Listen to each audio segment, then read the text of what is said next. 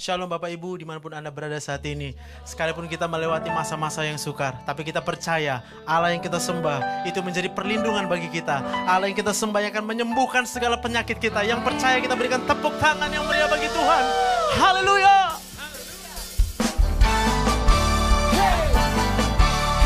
Selamanya Engkau Allah yang menjadi penyembuh bagi kami Tuhan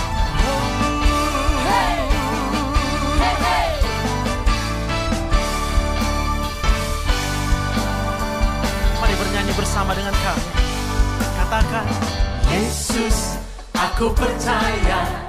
Yesus, aku percaya. Yesus, aku percaya. Yesus, aku percaya. Kau pulihkan, sembuhkan, mujizat di dalam hidupku. Amin Katakan Yesus, aku percaya.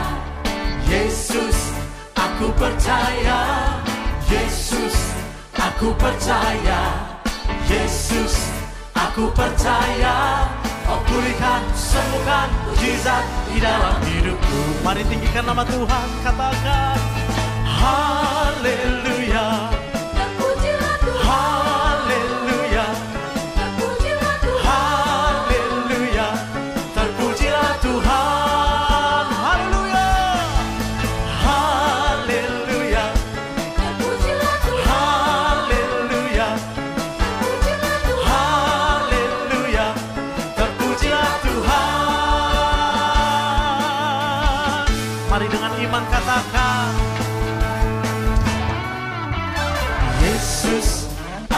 percaya.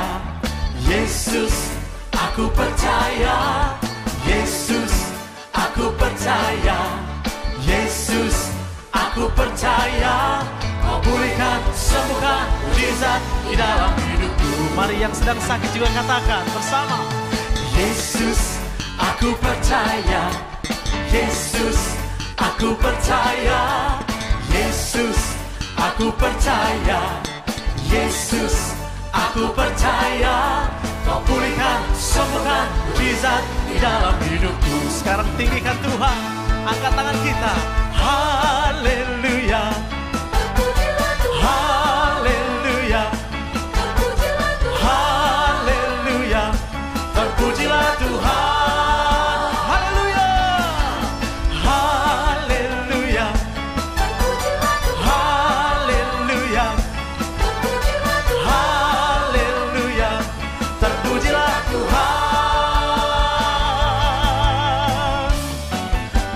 firman Tuhan berkata Hati yang gembira Itu adalah obat yang manjur oh, Biarlah kita menari-nari bagi Tuhan Bersuka cita bagi Tuhan. Haleluya. Terpujilah Tuhan, Haleluya. Terpujilah Tuhan, Haleluya. Terpujilah Tuhan. Katakan haleluya. Haleluya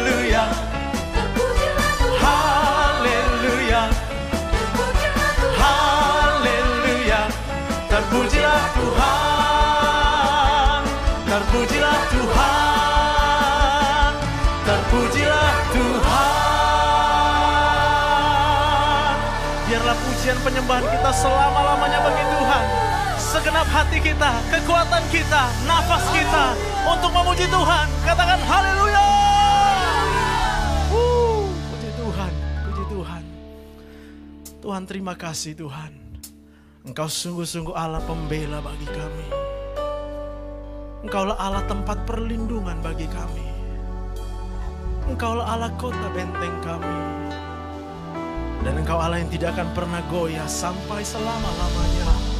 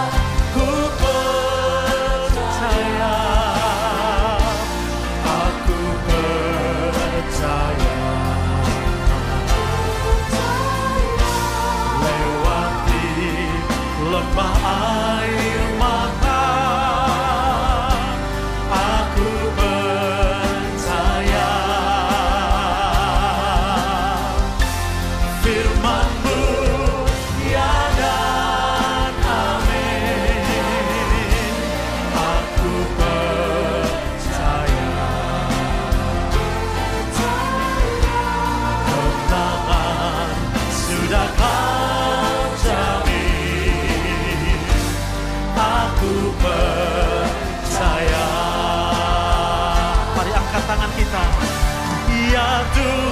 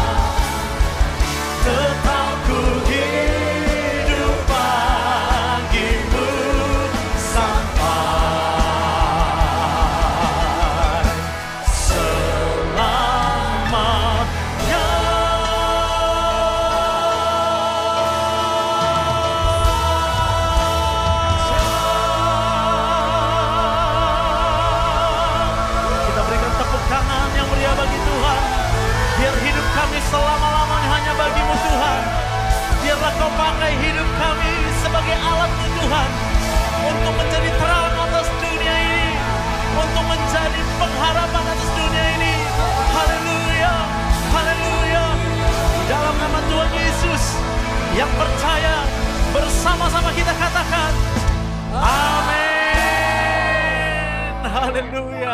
Haleluya. Dan saat ini Bapak Ibu yang dikasih Tuhan, kita akan diberkati dengan firman Tuhan oleh pembina rohani kita yaitu Pendeta Dr. Insinyur Niko Nyoto Raharjo. Tuhan Yesus memberkati.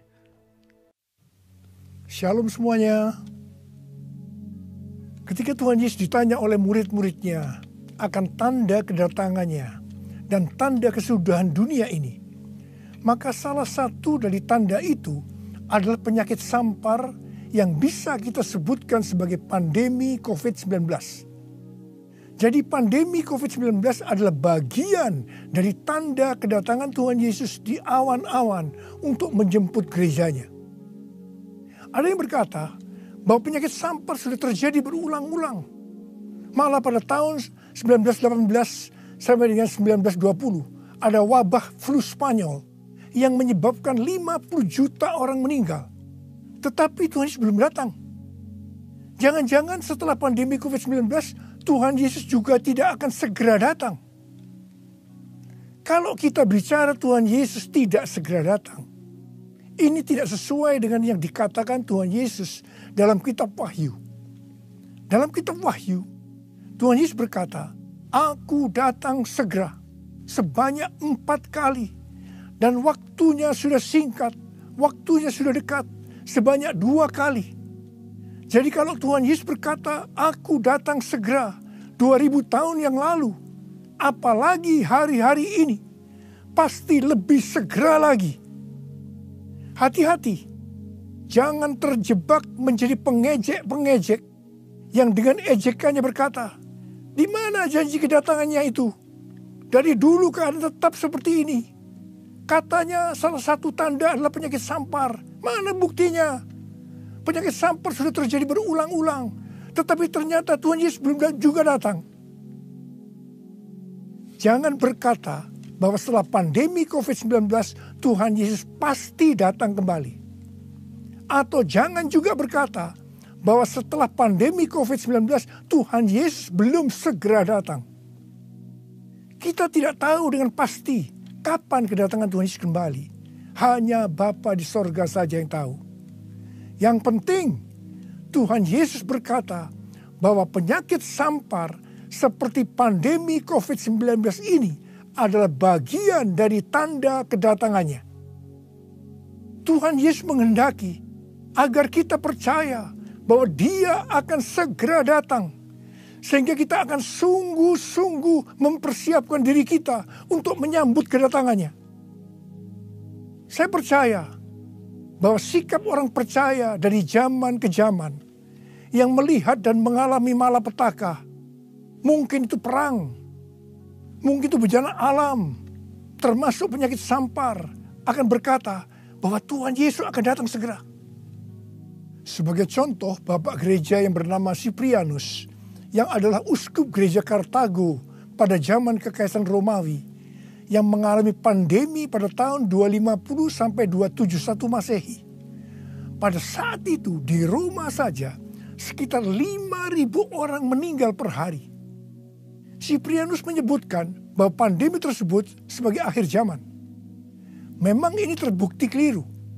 Akan tetapi dari sisi yang lain kita melihat keyakinannya bahwa ini adalah akhir zaman justru membuat terjadinya kebangunan rohani. Gereja terlibat dalam pelayanan sosial diakonia yang dahsyat. Melihat itu banyak orang menjadi percaya dan gereja berkembang pesat.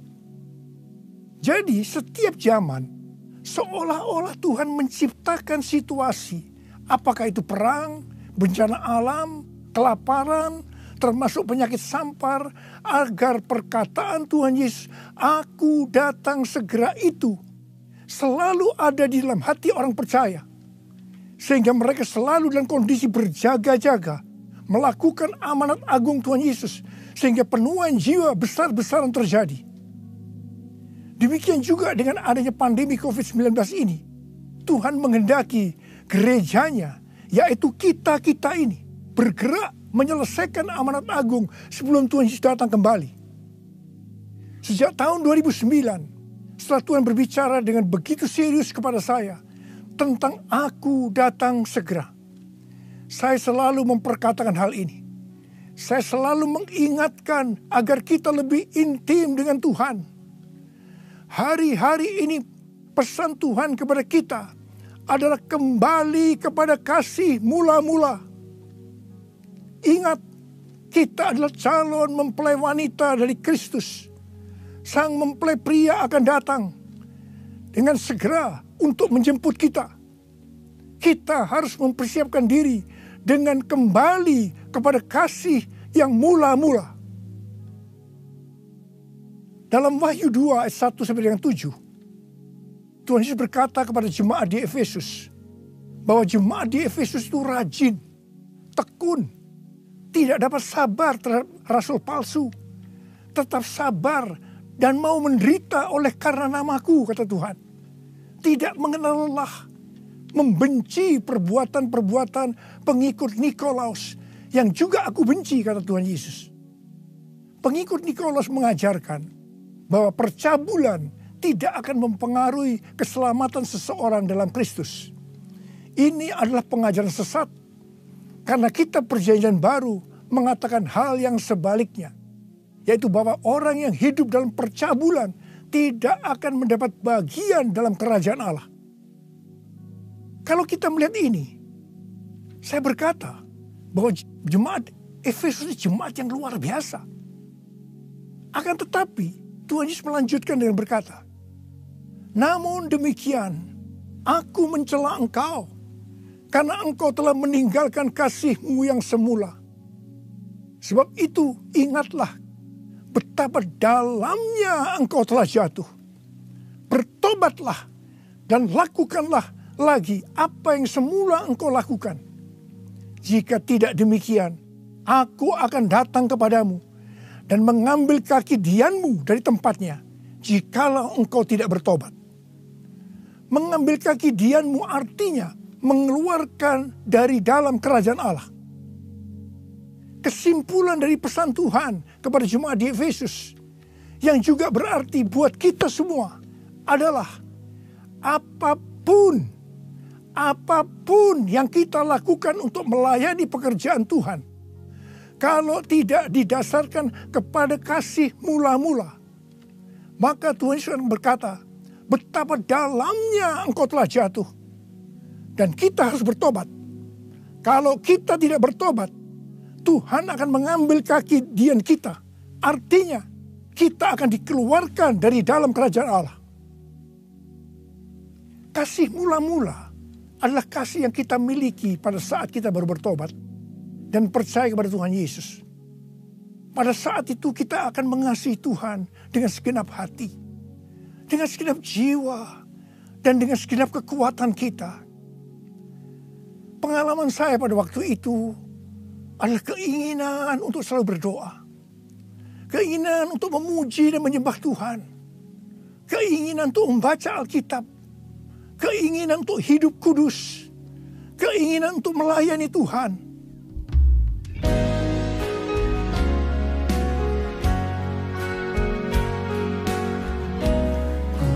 Cinta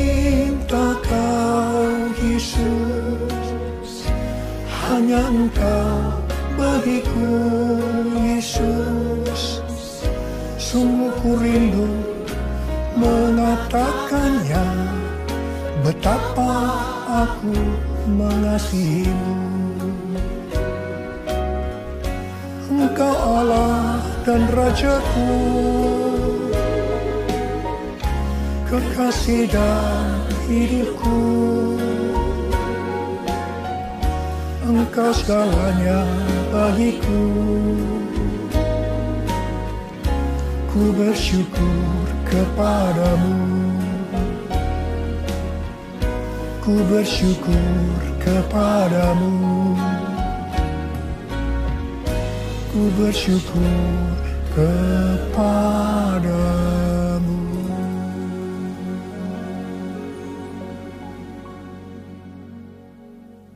kita melihat proses keselamatan, maka proses keselamatan terdiri dari tiga tahap. Tahap yang pertama adalah proses justification, yang artinya pembenaran. Tahap yang kedua adalah proses sanctification, yang artinya pengudusan. Tahap yang ketiga adalah proses glorification, yang artinya pemuliaan atau pengangkatan. Pada proses pertama, yaitu proses justification atau pembenaran, kita bertobat dan percaya kepada Tuhan Yesus. Kita mengalami kelahiran baru.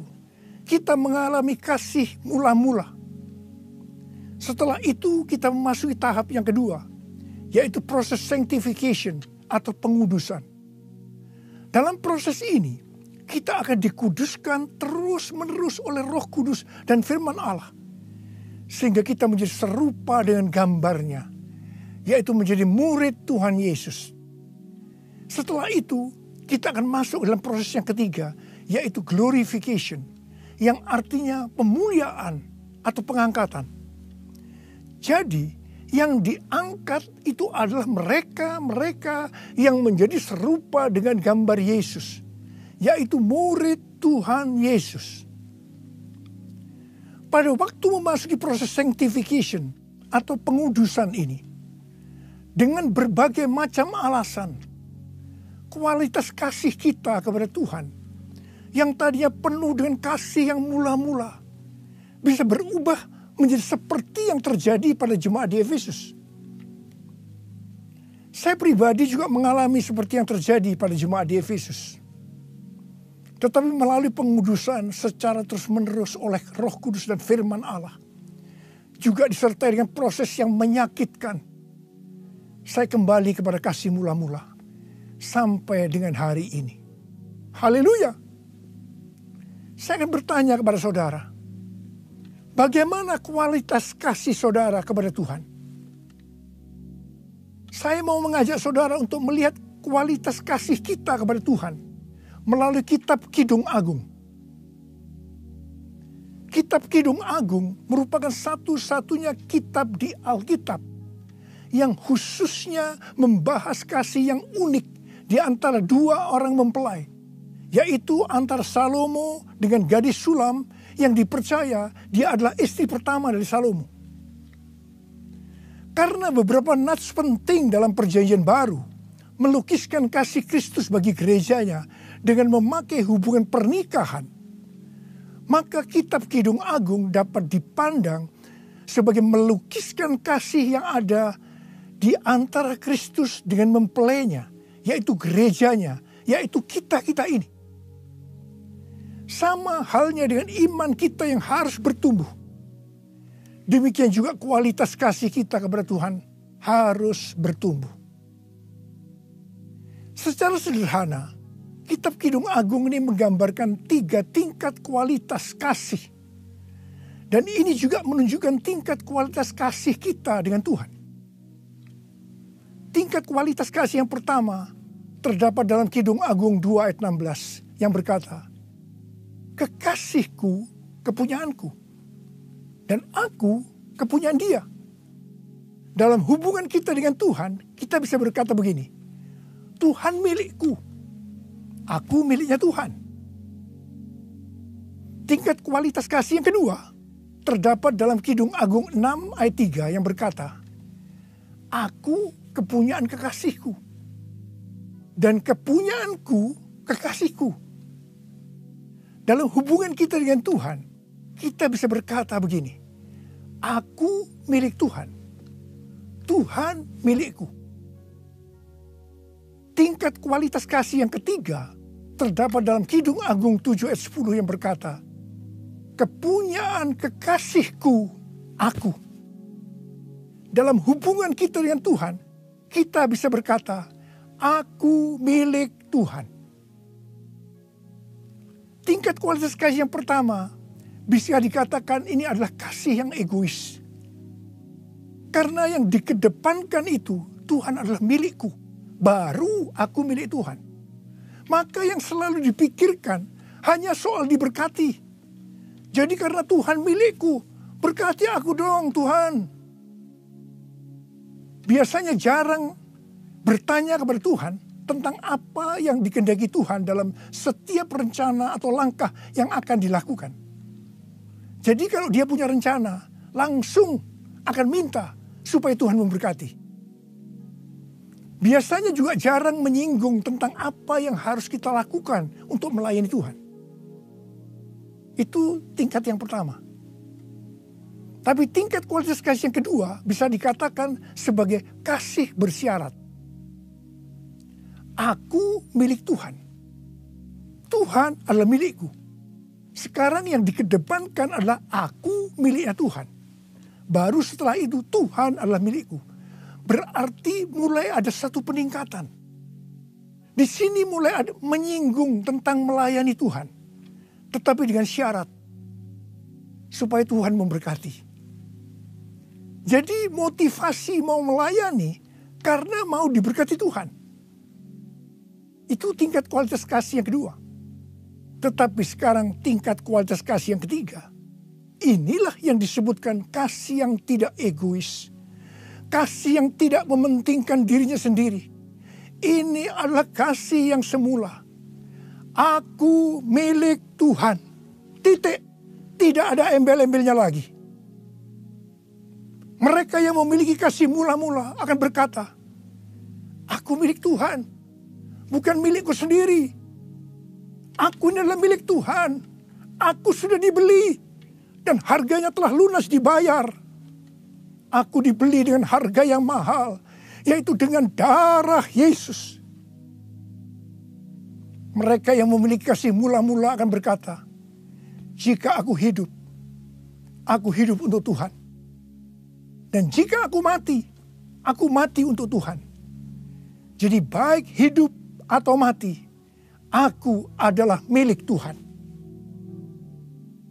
Mereka yang memiliki kasih mula-mula akan berkata, Aku hidup. Tetapi bukan lagi aku sendiri yang hidup. Melainkan Kristus yang hidup di dalam aku.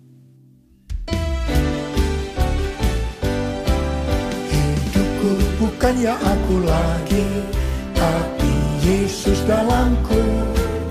Hidupku bukannya aku lagi, tapi Yesus dalamku. Yesus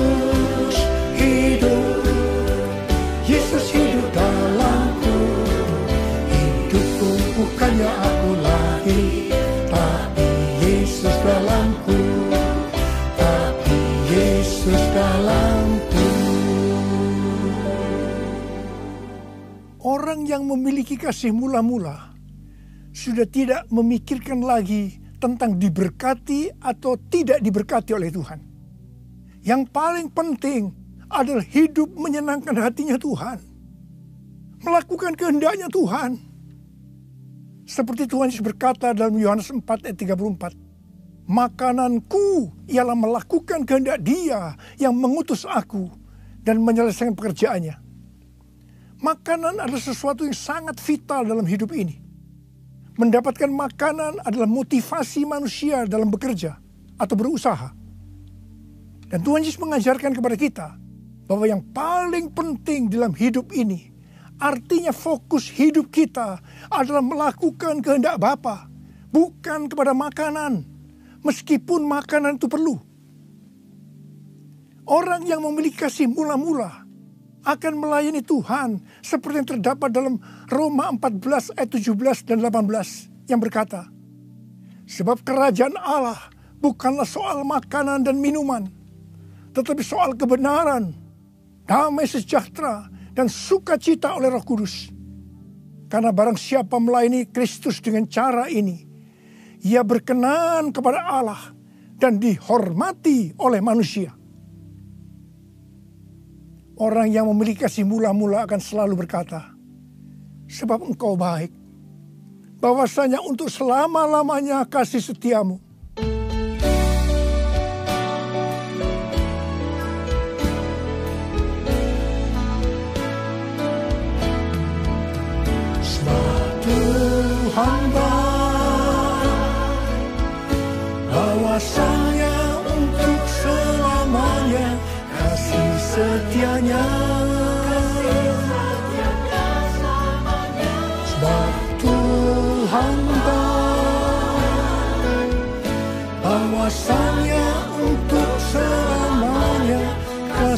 Setianya. Bahwasanya untuk selamanya kasih setianya.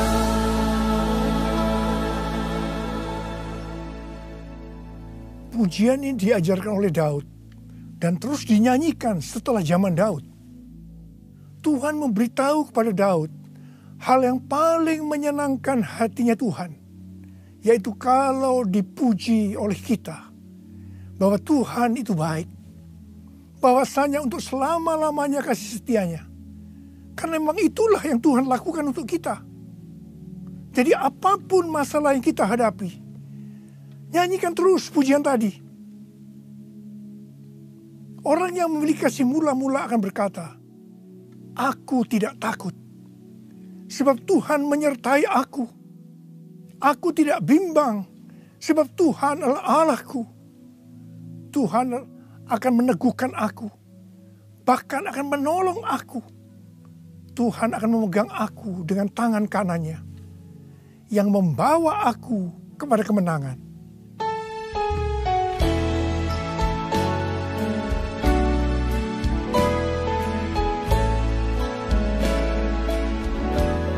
Ku tidak takut Sebab kau besertaku. Ku tidak bimbang Sebab engkau Allahku. Engkau meneguhkanku Bahkan menolongku. Kau batu karangku Yesus Tuhan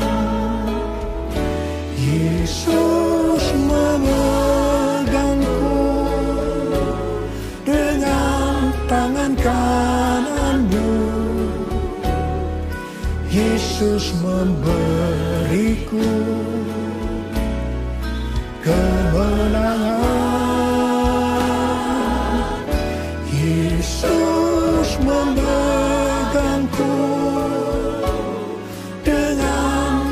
Kananmu. Yesus memberiku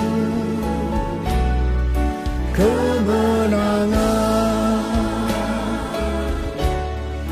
Yesus memberiku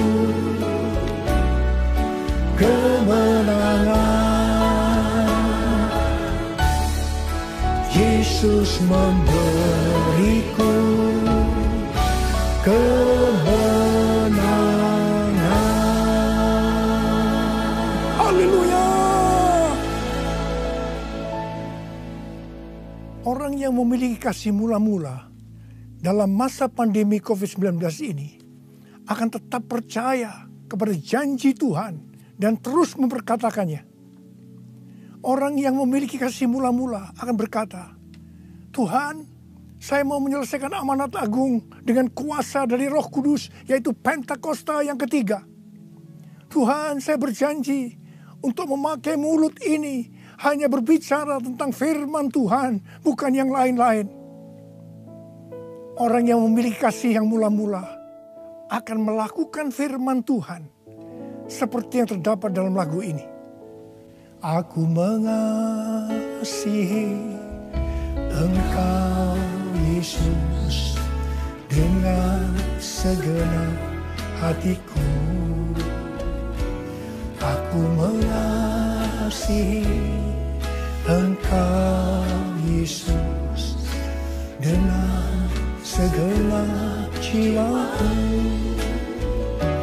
Ku renungkan firman-Mu siang dan malam ku pegang perintahmu dan ku lakukan Engkau tahu ya Tuhan tujuan hidupku hanyalah untuk menyenangkan hatimu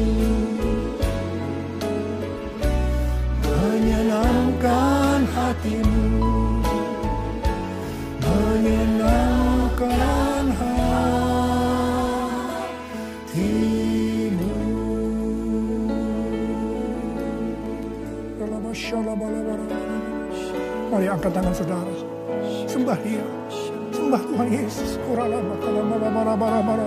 Sembah Tuhan Yesus Sembah, Yang sudah berbahasa roh, sudah berbahasa roh saat ini Yang belum Terus katakan haleluya, haleluya. Bakana maya rala lala bara bara bara. Oh rara basande. Ikara la maya rala bala bala bala bala bala bala bala bala bala la. Ori bala bala. Ora la. Ora la bala bala. Hamba berdoa buat anak-anakmu ini semua Tuhan. Hamba berdoa mereka kembali kepada kasih yang mula-mula. Kembali kepada kasih yang semula.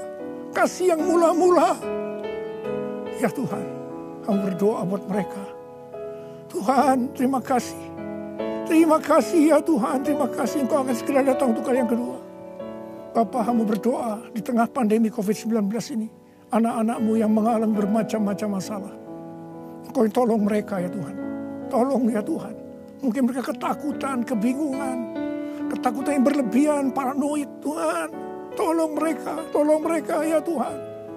Yang terpapar dengan COVID-19 sakit Tuhan. Dalam nama Yesus, aku sekarang perintahkan COVID-19. Kau keluar. Sembuh dalam nama Yesus. Sembuh dalam nama Yesus. Sembuh dalam nama Yesus. Oh Tuhan terima kasih. Katakan terima kasih. Terima kasih ya Tuhan. Terima kasih ya Tuhan. Terima kasih. Terima kasih ya Tuhan. Terima kasih.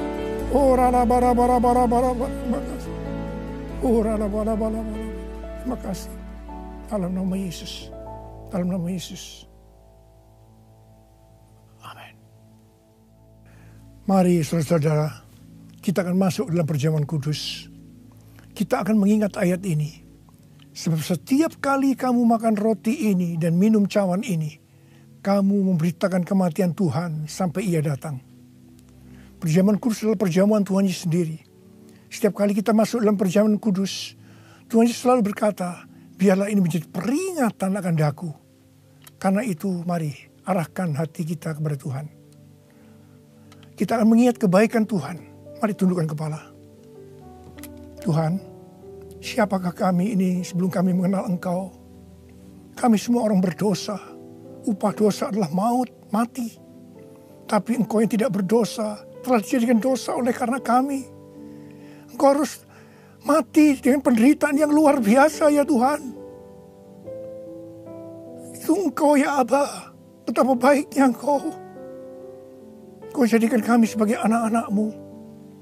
Engkau tuntun kami, Engkau bela, Engkau lindungi, Engkau berkati. Engkau sembuhkan kami, Engkau ajar kami ya Tuhan. Engkau juga menghajar kami kalau kami salah Tuhan. Terima kasih ya Abah. Terima kasih Engkau itu. Itu adalah Engkau ya Tuhan. Tuhan Yesus akan berkati saudara melalui perjamuan kudus ini. Tapi Tuhan mau kita makan dan minum dengan cara yang benar. Karena itu masing-masing sekarang berdoa lihat keadaan dirimu masing-masing. Jangan menyimpan dosa. Kalau ada dosa yang Tuhan ingatkan saat ini, langsung minta ampun. Ampuni saya Tuhan, ampuni saya. Katakan ampuni, ampuni ya Tuhan, ampuni. Supaya sudah diberkati oleh Tuhan. Tuhan ampuni anak-anakmu.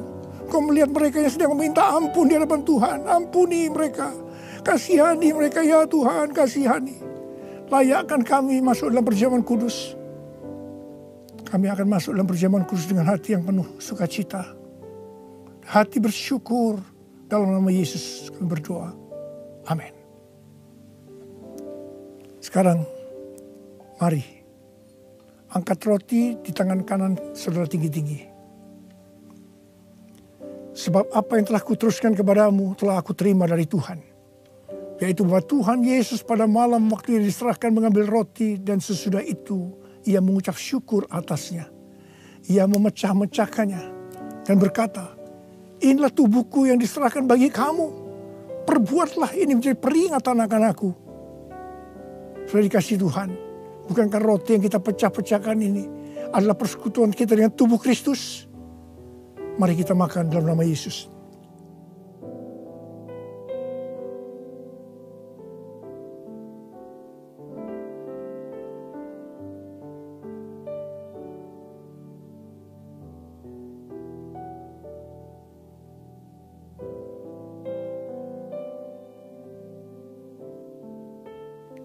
Sekarang angkat cawan di tangan kanan saudara tinggi-tinggi. Demikian juga ia mengambil cawan sesudah makan lalu berkata, Cawan ini adalah perjanjian baru yang dimutrakan oleh darahku. Perbuatlah ini. Setiap kali kamu meminumnya menjadi peringatan akan aku. Saya kasih Tuhan, bukan cawan pengucapan syukur. Yang atasnya kita ucapkan syukur adalah persekutuan kita dengan darah Yesus. Mari kita minum dalam nama Yesus.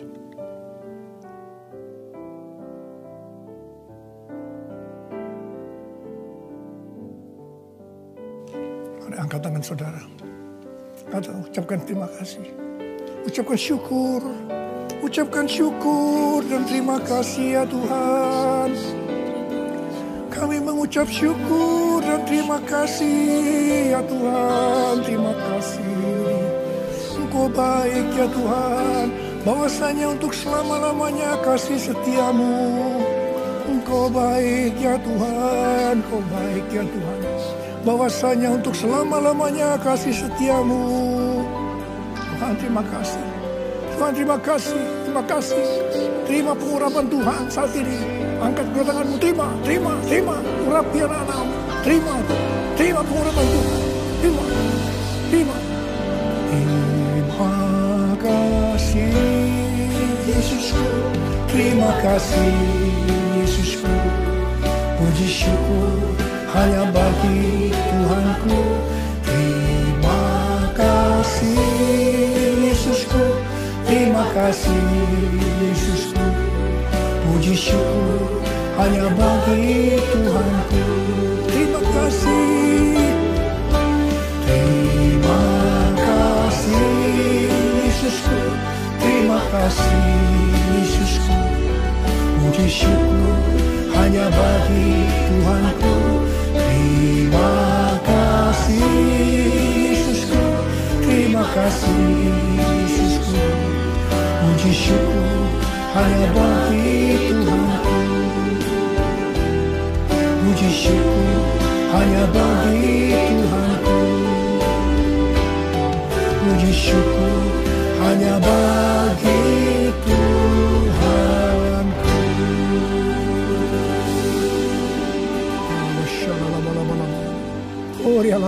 Terima kasih Terima kasih ya Tuhan. Terima kasih Berkati anak-anakmu Terimalah berkat Tuhan Kasih karunia berlimpah-limpah daripada Allah Bapa dalam anak yang tunggal Yesus Kristus. Persekutuan yang manis dengan roh kudus menyertai sekalian mulai hari ini. Sampai Tuhan Yesus datang menjemput kita di awan-awan dan bahkan sampai selama-lamanya. Yang percaya bersama-sama katakan, Amin.